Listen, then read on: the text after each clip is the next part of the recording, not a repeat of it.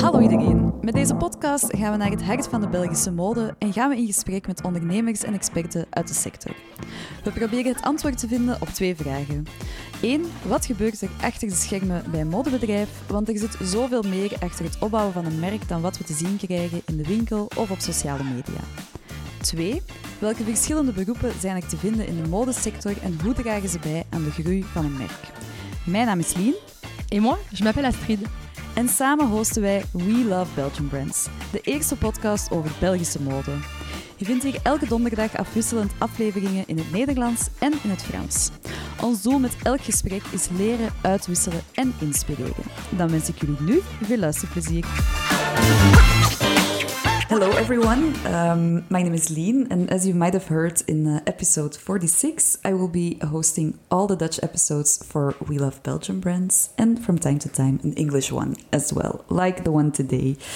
And today we are recording a very special episode since our guest is a dear friend of mine. So I would like to introduce you to Anna Rosa Moschouti. Raised in Greece, but she has been living in Antwerp for several years now. We met four years ago, and at that time, she, she just had opened her flagship store in the Kloosterstraat, which is still there. So if you haven't been there, you should definitely go and uh, check it out. It's a beautiful and cozy space where her architectural inspired collections are displayed and where you can buy them as well. And when we meet, we always talk a little bit uh, business, and it has been fascinating to see how she has grown and managed her business along the years. So I'm very happy that now we will have a recorded version of our conversations. So without further ado, uh, hi Anna welcome to the We Love Belgian Brands podcast. Uh, let's dive right in. Who is Anna? Hi, so nice to be here. It's my first podcast ever, so it's perfect to do it with you. Um, so, Anna, or Anna Rosa, depends how well you know me, um, is a jewelry designer that has a background in architecture, fell in love with jewelry just because she liked small scale design and wearable design and uh, started her business sort of naturally and organically several years ago as a hobby first, and it slowly became a business and has been very welcomed in Antwerp. So I've been here seven years now with my boyfriend, that now is husband. Um, yeah, that's Great. it. Nice, good introduction. Um, so, a question we always like to ask is Did you have a dream job as a kid? And if so, why?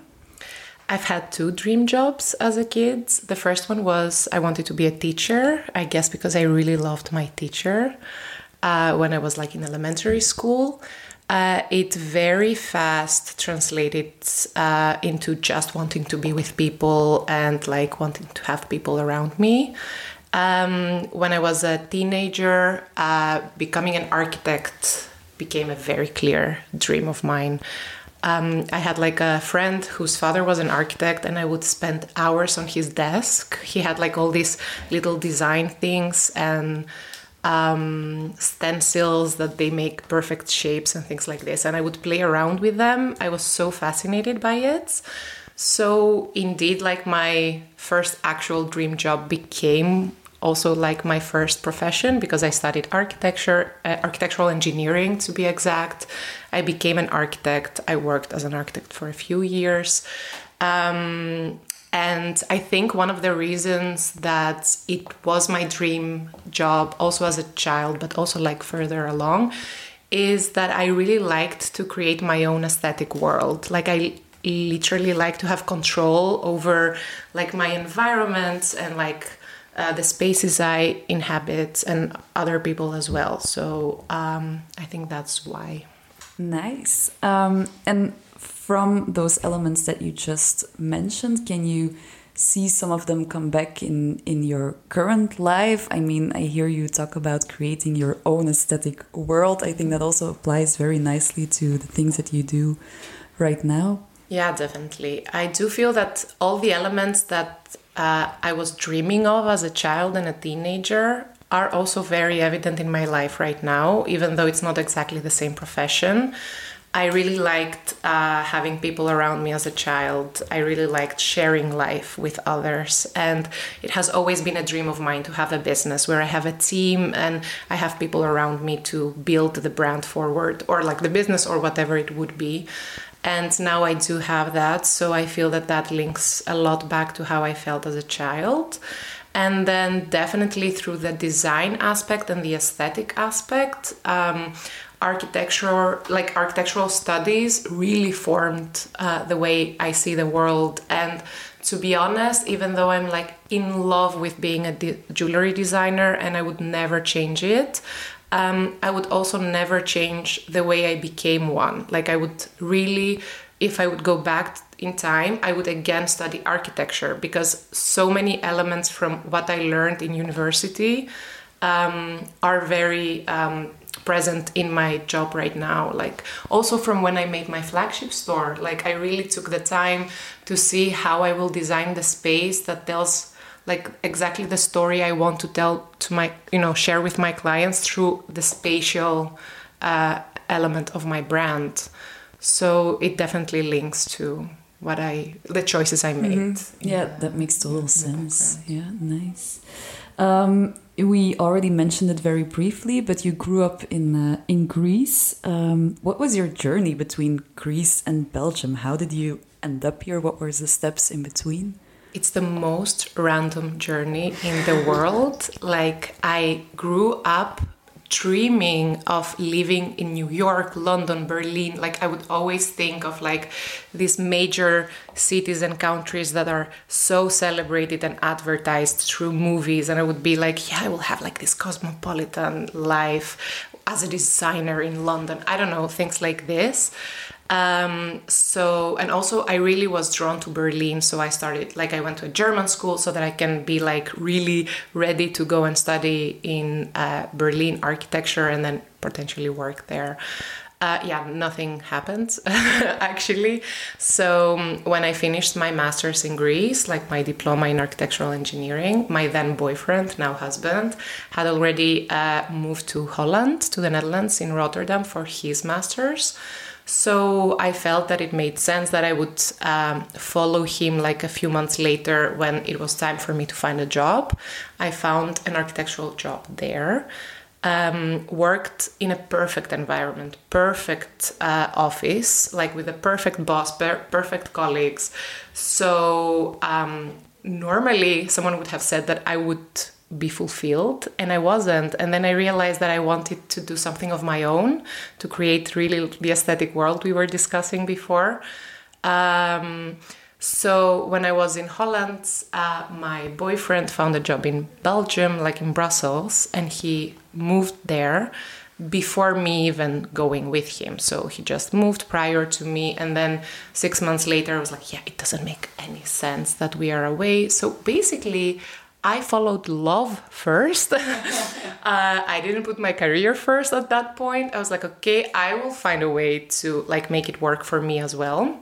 And it was at that point where I was making jewelry as a hobby. It was sort of becoming something on Instagram. So I was like, ah, yeah, maybe I can like build on it a bit instead of going to Belgium and finding a job as an architect. Let me try out a bit like the jewelry scene. Mm-hmm. Uh, but actually, my um, yeah, if I'm being honest, if someone would have asked me, like, asked my 18 year old self, would you ever live in Belgium? I would be, yeah, what not? Like, no, it's only for politicians. Like, you know, you have like an image that it's like the European Parliament and like the Commission uh, in Brussels. And I feel that at least in Greece, it's not so advertised like the full image you can have like because now i'm in antwerp and i have made it like a sole mission of myself to advertise antwerp and like the amazingness that you can have from belgium to greek people mm-hmm. and the opposite. I'm like also i want like belgians to see like how amazing greece can be and it can be so much more than a mykonos or like a something like this. But back then i didn't have that image. Nice. It's a beautiful story. And in hindsight like which choices during that period had have the biggest impact on your life right now? Yeah, following love. okay, uh, thank you, Angelos. yes.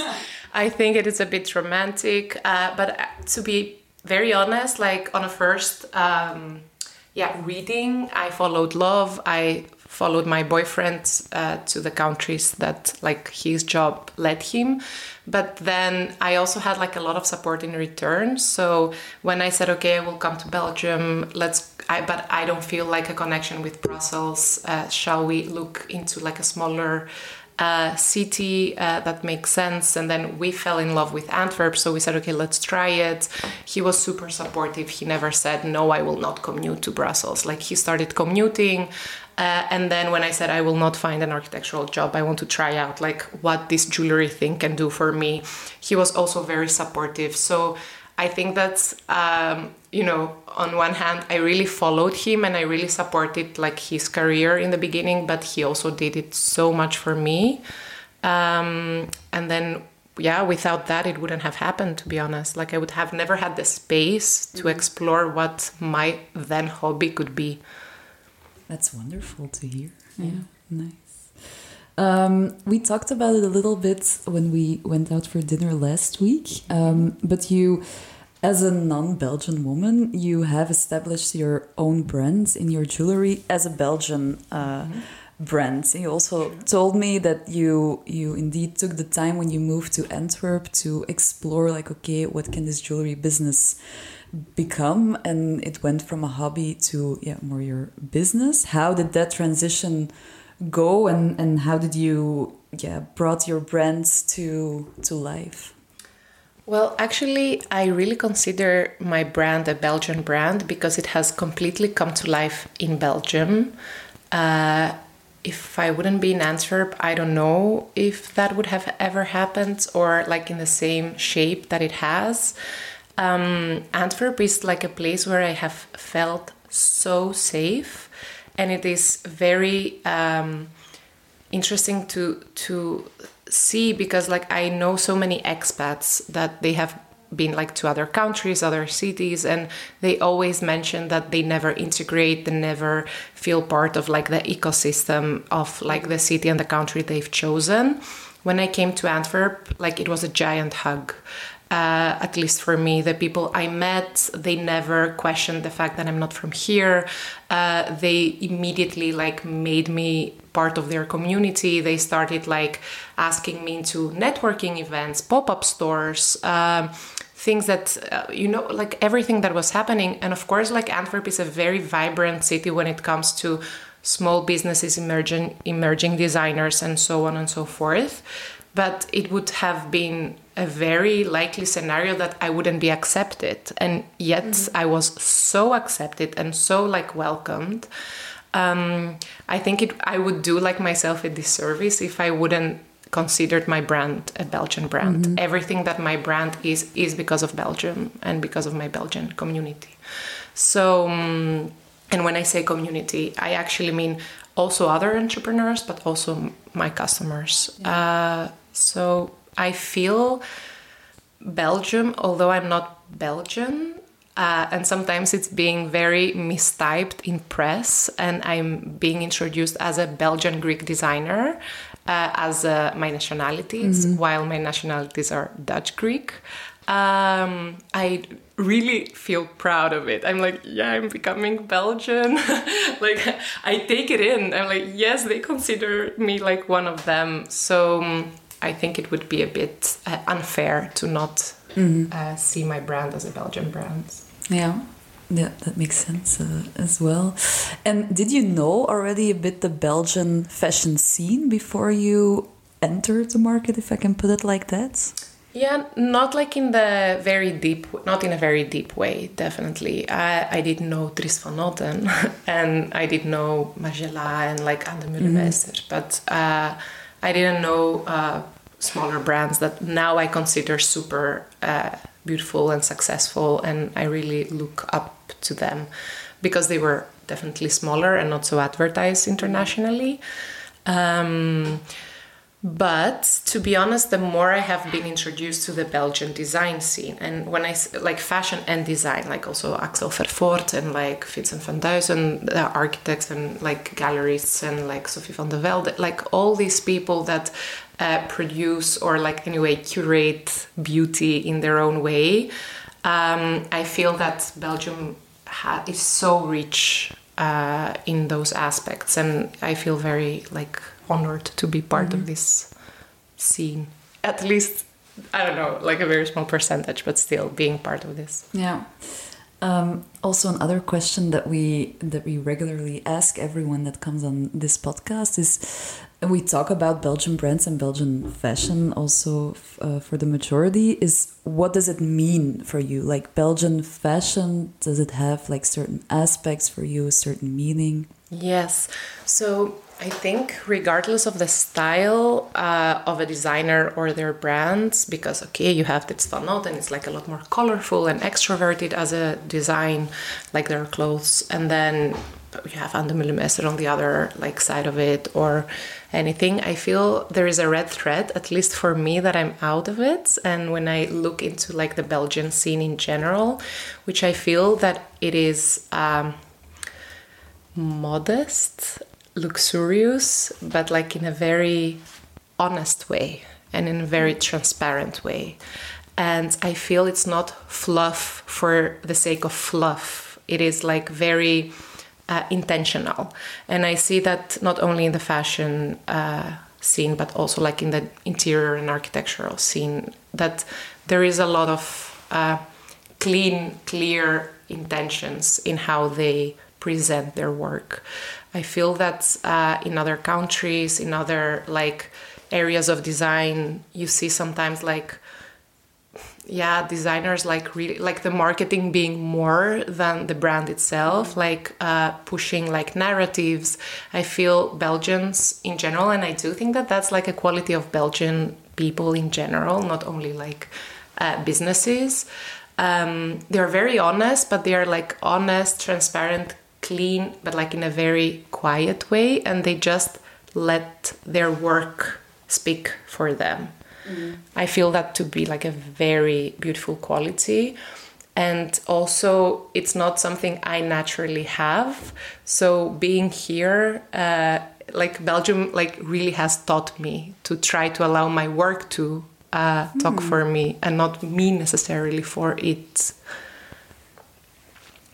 Yes yeah. Thank you.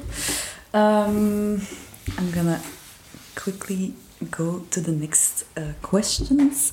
Um, so yeah, you've been building your business for the past seven years then as well. Has it been already that long? I, it depends so much on how you count. Um, I officially made the business I have now in 2017, but it definitely didn't start in 2017. Like it's been like a work in progress through it being a hobby and then like a, I was going to markets on the streets, you know, like the mm. Markt van Morgen kind of markets. Uh, but like also in Amsterdam and in Rotterdam and wherever, like I literally lived like a van life when it comes to my business. Like I would put all my things uh, in my car and just drive around mm. cities to do like markets, which seems like a million years ago, to be honest. Um, but I would say officially in the form it has now, it's since 2017. Yeah, yeah, yeah. Yeah, we talked about it as well that when we met, you just had opened your store, which mm-hmm. is already over four years, and it's, it's the fourth year now. Yeah, yeah, it seems like yesterday. it does. Although I do think that we are being like confused because of COVID yeah. in between. Like I don't think we can count years in the mm-hmm. same way. Yeah, yeah when we have in between mm-hmm. like the yeah. lockdowns and everything. How how was that for you? Because you opened your uh, uh, shop six months prior to yeah. the first uh, lockdowns. How has that been for you? It was definitely a huge challenge in the beginning because uh, having invested so much into opening my actual physical location, I had taken a bit of a step back in promoting everything online. Mm. Um, I was like now my focus into like is into driving people into like my store and uh, then lockdown came and the website was like out of stock everything. I couldn't sell so much online because i didn't have enough products. The store was closed. So i was like yeah that's not good timing. Um, but to be honest like in retrospect and like really what happened at the end is that 2020 was like one of the best years for us it really um, pushed me to think out of the box mm-hmm uh, to figure out how I will reach out to my ideal clients through other uh, mediums, like through then Instagram, uh, newsletters, like things like this. Um, we grew as a community so much more. Like I developed such a good relationship with so many good clients that I still have and I still know. Uh, we would text um, like DMs and things like this. We developed like an open conversation with like followers and customers. Mm-hmm. And before 2020, that wasn't so much of a case in general on social media. I feel that people didn't have the need to talk so much online. Um, so it would be more like, ah, yeah, let's post a nice picture or like of my new pair of earrings. But like, it wasn't so much interactive. Mm-hmm in 2020 that narrative switched like in a second and of course it took a lot of effort from my uh, side to put myself out there because before then i didn't like ever put myself on camera like i would never share like how i wear my jewelry i would never talk on camera and then in 2020 i think i talked on camera so much that i never want to do it again um, but it was like part of this whole okay we cannot meet so let's see how we will mm-hmm. like facilitate it yeah. online um, and 2020 was really a switch yeah. and then 21 was like a second switch because then we had like wedding rings uh, because weddings started mm-hmm. uh, happening again and um, since then, I really feel that the whole brand has grown significantly. Yeah, and I think it's also remarkable that you can you could keep it up to like make the switch in, indeed during those yeah first few confusing months let's say mm-hmm. but also to make sure that you can retain the customers keep them engaged afterwards because i think a lot of businesses and a lot of brands they went very creative uh, in their ways to reach out and to to increase their revenue in some kind of way but i don't think everyone succeeded into actually keeping up that trend and mm-hmm and yeah making it so that your business keeps on growing. So i think that's very remarkable also in your uh, story that it has been a trend ever since. Yeah and the thing is and i feel that's what made a huge difference is that in the beginning of uh, 2020 and the lockdown um, i didn't have stock to sell but i did want to have the attention of my followers and my community. So what i did is that i launched a challenge. So basically, I didn't make any money in the beginning. It was really not like a way of monetizing. Um, but I was launching my Vermeer collection, mm-hmm. and it was like the first collection that would feature pearls, and it was like um, a tribute to my relationship with the Netherlands and my mother because my last, my Dutch last name is Vermeer, so it made a lot of sense for me to try to make a link with pearls and my mother and the painter and the Netherlands, and like it was a very rich story to share uh, for Instagram and like marketing uh, reasons. But at the same time, um, I had no jewelry to sell at the moment because all my suppliers were closed. So what I decided to do is that I launched like a Instagram challenge where I asked my followers to recreate a painting of Johannes Vermeer. So basically they recreated it with uh, things they had at home and then they just had to post it in their stories and then tag us of course um, it was so creative and uh, yeah of course like the winner got like a gift card of 200 euros. But like i mean the idea was more like to have fun during lockdown. It was uh, an idea that the metropolitan museum in um, in new york had and they did like recreate a painting of ours in general. And i thought it could be like very well mm. linked. So i think that sometimes like the efforts and the like thinking outside of the box needs to be not like it needs to not be linked with money. It mm-hmm. needs to first be about like let's build a community and like a movement and let, let's make people feel united in one way.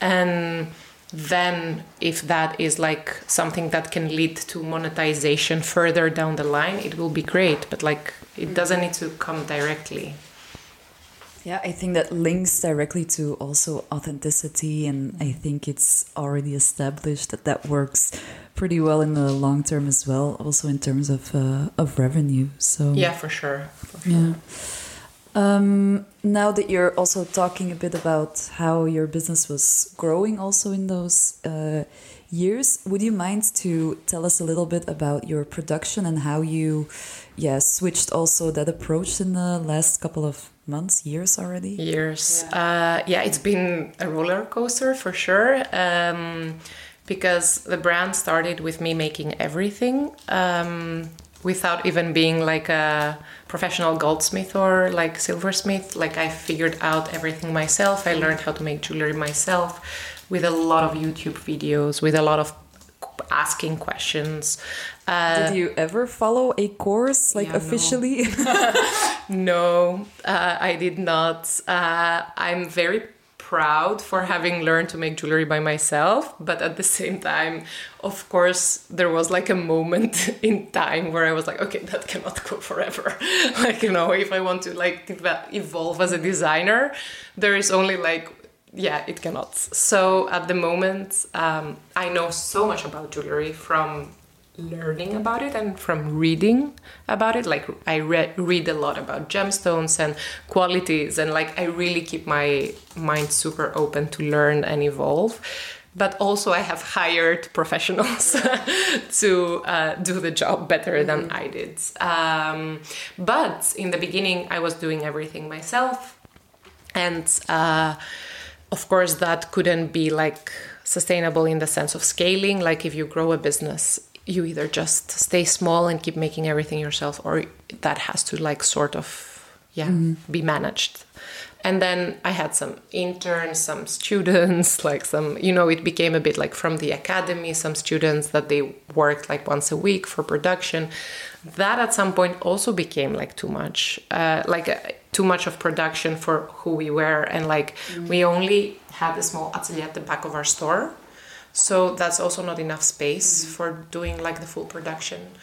You, um, you did it behind the counter right? yeah the counter yeah.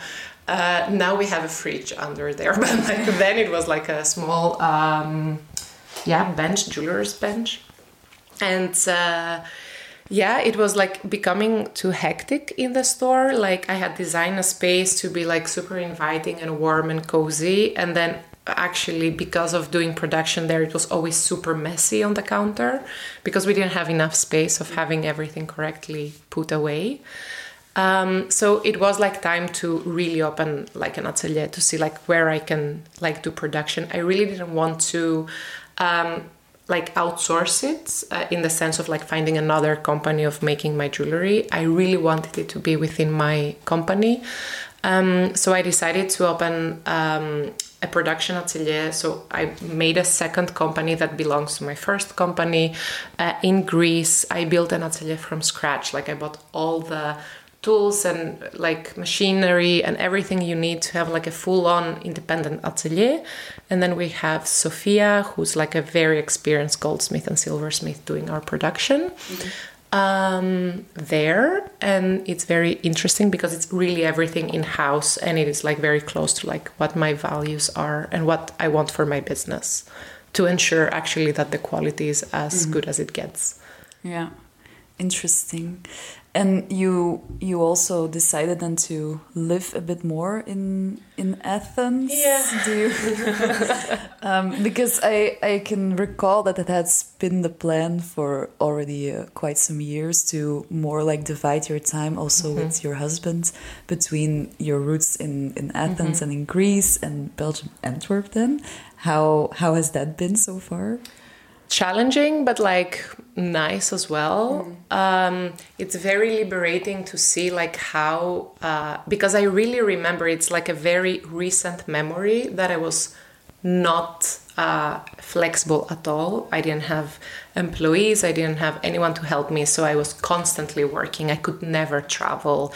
Uh, like I, I didn't take any days off. Like it was a very like strict uh, situation um, to be now able to live half and half and have employees in Greece and employees in Belgium that they can take care of our clients and be sure that everything can be done well. And me being able to focus on building this business uh, further mm-hmm. without having to worry about, yeah, I cannot be in the store on a Saturday or like I have people yeah. that can take care of this. Um, so I think that's like the part of it that feels liberating. And when I think about it, I'm like, oh my God, like I really remember when I couldn't move an inch from Antwerp mm. in order to build the business. Um, at the same time, I don't think I have fully found the balance between the two countries when it comes to how often I travel. Mm um, I'm still trying things out. Like sometimes I try like one month here, one month there, or like something like that. And then sometimes I do like three months, three months. I haven't fully figured out what works the best for me. I do think that at some point, I like I trust myself that I will yeah. arrive to the conclusion at some mm-hmm. point. Now I'm living on Monday for three months, and that's the first time I'm actually living for so long. Mm-hmm. Uh, we'll see. Yeah. Yeah. Cool. We can uh, talk again in like a year and see yes. and see where I live. yeah. where maybe, you live and if you find the balance, but I'm pretty sure. Yeah, maybe a new country enters the conversation and then I'm like in more uh, distress. yeah, all right. Cool. In in all those years, what would you consider like your proudest moments in terms of your business or can be personal as well? I, I guess the, the two are all, almost always linked. Yeah. Um, proudest. I do think that my hyper proudest moment is when I opened my store. Mm-hmm. Um, it is something that almost no one around me thought it was a smart idea. It, I was a very small brand. I didn't have like uh, a legit revenue yet to like support mm-hmm. the choice of making like of opening a store. Uh, everyone would be like i think it's too, too soon. Uh, i did have like some financial like difficulties at the point so everyone was like yeah i think like it's a super stupid idea. Um, yeah, also, however Wolfsteinstraat is a very expensive street yeah. to be in even even though it's in a smaller yeah, uh, space so i can understand where that comes from. yeah everyone was hesitant and to be very honest i'm a people pleaser and like i take others people opinion very seriously so if I don't get like the the reaction I want, I'm very often like, oh, yeah, they know better than I do, or like I don't want to go against like what they say. Mm. It was the first time that I was like, no, you don't get it, guys. It's the best idea ever. You don't get it. It will change my life. Um, I've never done this, like almost with nothing else in my life, but I was so sure because I had gone like to Interieur Kortrijk, which is like this biennale of design, and it's mostly for interior design. But uh, they had like this uh, part of the exhibition which was like for upcoming young designers. For some reason, they allowed me to be there. I sold like crazy. Like I was there for four days, and I sold so much that I was like, I need to be in front of the right people. If I am in front of the right people, people will buy my jewelry. It's just that I had never been exposed to like the correct audience. Mm-hmm. So then when I saw Kloosterstraat and I found this small uh, store, I was like, this is the right audience. The people who would go like for a walk to Interieur Kortrijk, mm-hmm. they would potentially be here as well. Like, okay, it's mm-hmm. a bit of a far-fetched analogy, but like more or less, it's definitely like a very like close analogy for the street within the city.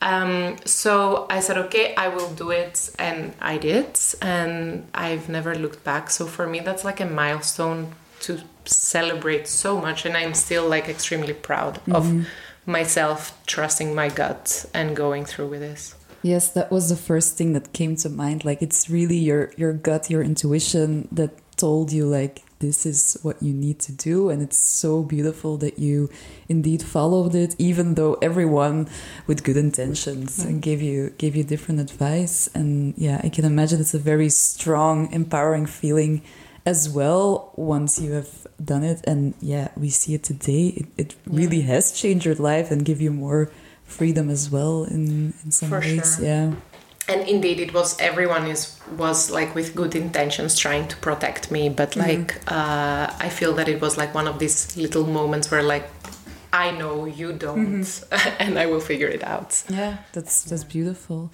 But you did have a store before uh, that together with Ophelia, so it also wasn't your first experience, but it was at a different location, right? Mechelse Steenweg? If It was, yeah, Mechelse Steenweg. And for me, um, I think Mechelse Steenweg wasn't like a very good fit because jewelry, uh, yeah, doesn't take so much space on the window.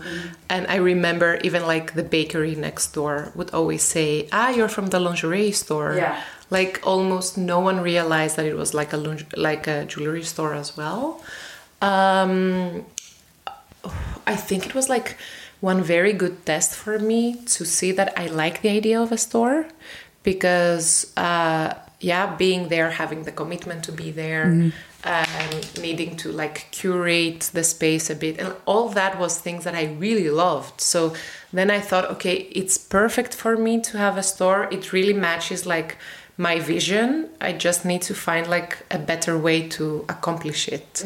And uh, when i say a better way i do really mean like a better location with like an interior that it is fully dedicated to my work. Um, with ophelia like okay she's my best friend so i'm biased but it was like a perfect collaboration but i do think that it was like the best moment for both of us when we could respectively like build our own flagship stores pour like our full energy into our spaces and then also like welcome our clients without feeling that ah she's here for the lingerie not for the jewelry or vice versa. Um, yeah. Yeah. It's uh, it's very nice to see that you also moved from Mechelse Steenweg together and then separately, and then now you're back together in the Kloosterstraat, Right, practically like next to, to next to each other. So, yes, all right. Um, so okay, we talked about like your proudest moments, but I can imagine that there also have been some challenging moments. Um, maybe like okay, if you think of the most challenging moments, what comes to mind that you would like to share? Also, how you dealt with it, why it was it had a big impact. I think the most challenging moment for me has been uh, it was a period where we had like a batch of like bad gold plating and we started having many clients many months after they had bought their jewelry uh, so we also couldn't find exactly what batch was it like what could have gone wrong but we had clients coming back uh, with uh, stains on their jewelry uh, that was not normal. Like it was really like a quality defect that i really don't want to stand behind it and i don't want to offer to my clients. And i was so in shock because i really didn't know exactly how to do. I felt it was really out of my control but at the same time it was my name my product on the line and you know, for every client that comes back with the complaint, there are five that they never tell you. So I didn't, I really didn't know how big of an issue that was. And I still, of course, cannot know how big of an issue that is. Uh, I did put a lot of effort in, like, also sharing on Instagram and uh, sending some letters to our very good clients. Like i really like made a lot of like steps took a lot of steps to ensure that everything that goes wrong with our jewelry we will be there to fix it and we will always take the responsibility to fix it. Um, that was for me like a very it was a huge switch in my mindset because i realized that to me as a brand and as a brand owner the first and like the first priority is our clients to be happy and to feel protected by us um, so it really shifted the full narrative of how we do business and that was also um, the moment when i decided that i will take in-house everything I can from the production. Like I, I bought so many machinery so that I wouldn't rely to external partners, so that I would be sure that everything I do with uh, production, if it goes wrong, it's my fault, and if it stays perfect, it's like our win. Um, I think that was one of my biggest challenge growing the business because the more you grow, the more you cannot control every person that buys your jewelry. In the beginning, it's just a handful of people. Uh, and then, yeah, I, I don't know. I think this one is like really the one that I, yeah, I put f- first, and I still have. Mm-hmm. Like this specific challenge, I don't have in the sense of the gold plating, but it's always like my daily like challenge like i wake up in the morning and i think okay i want my clients to be happy. I want them to be happy. I want them to be like i have like this insane people pleaser in me which is a good thing when it comes to business. Yes. like when it comes towards your mm-hmm. client and customer service it's a very good thing thing to be a bit They feel it as well when you mm-hmm. really, from your heart, put them first and Yeah. and also organize your business uh, around it. For sure, and it was like very interesting because uh, you know this, but I've worked with Yasmin Verlinde. She was here in another podcast, and like I have discussed this with her a lot, and it was something that I didn't realize I have in my business. Like it was something that was coming 100% from who I am as a person. And then she pointed it out. She said, For you, the first thing is like offering support. And I was like, Yeah, yes, I want to like support my clients to feel safe buying jewelry from us, like to take all the stress out from like this investment they are making. It, regardless if it is gold, silver, diamonds, like everyday jewelry or like um, like an engagement ring. So I think that has been the largest challenge, which of course translates into marketing and into like copy on the websites, on like so many things, on also teaching your employees to have the same like reaction towards mm-hmm. clients when they come like with challenges like this. Yeah, yeah. Because what you mentioned earlier really uh, stuck with me that not every brand would send out like proactively emails to their customers saying we have had a bad gold plating batch. a letter A letter even. that I actually signed and I said, I'm so sorry. And if that has happened to you, we are here to take care of it. Which is amazing, but I don't think that's a standard practice in, in the industry. I don't think so, but I also don't know what everyone does. Like, of course, uh, I feel that every brand has like their strategy, and some brands want to position themselves a bit like more distant than their clients for their own reasons, uh, which is very valid. Like, because you also have like names behind brands. Like, I mean, Dries van Noten would never send a handwritten letter, which it makes so much sense. I mean, you would never expect him to. Uh, so I think that every brand has their own narrative, and they they figure out like how to, um, yeah, put that out to their clients. For me, it's like I just want them to feel that it's safe to shop with us. Not that I feel that you don't feel safe shopping with another jewelry Yeah, yeah, brand, yeah. but like I do want them to feel uh, familiar, you know, like a, a sense of familiarity and like uh, chillness and no judgment. Like we never, also like we will never, yeah, build like a certain image of a certain lifestyle of the person who wears our jewelry. Anyone can, as long as you like it. You can be like from any spectrum, like from any like I don't know age group, from anything. Like as long as it feels that you connect with our story and you connect with our designs. Uh, that's also why I don't work so much like with specific influencers or with specific like personas constantly, because I feel that everyone can like potentially find a part of them or not. Like it's it's fine, but no judgment there. Yeah.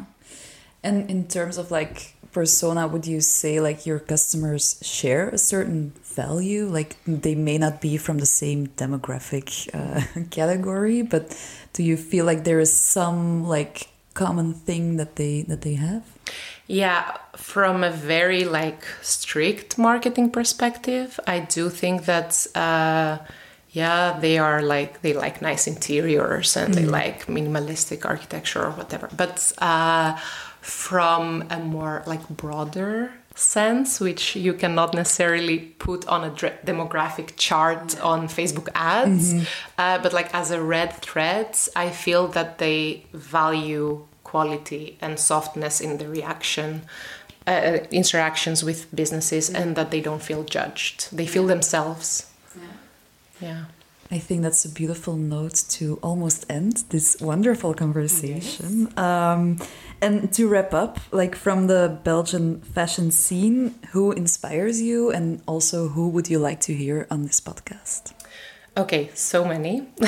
but uh, I do have a couple of people in mind. Um, I mentioned I worked with Jasmine Verlinden, and through her, I got to know a bit better two brands that I really admire.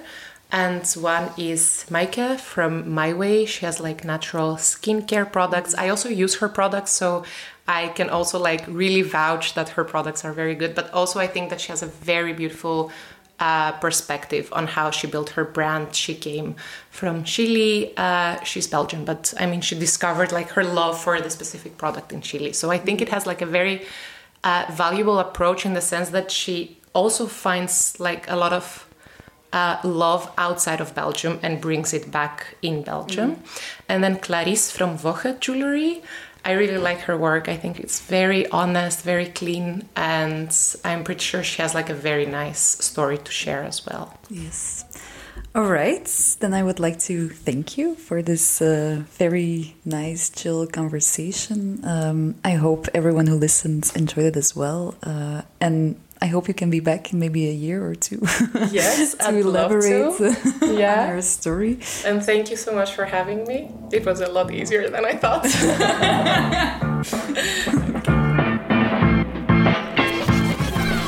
Super fijn dat je naar deze aflevering tot het einde hebt geluisterd. Ik hoop dat je ervan genoten hebt. Ik nodig je graag uit om deze podcast te delen en met 5 sterren te beoordelen. Dat helpt ons enorm om meer zichtbaarheid te krijgen. Zo kunnen we zoveel mogelijk mensen inspireren met de verhalen van ondernemers die in deze interessante sector actief zijn. Je kan ons ook vinden via LinkedIn en Instagram onder Astrid Lefevre en Lien de Groen. Aarzel niet om ons te contacteren met vragen of ideeën. Bedankt voor het luisteren en tot volgende week.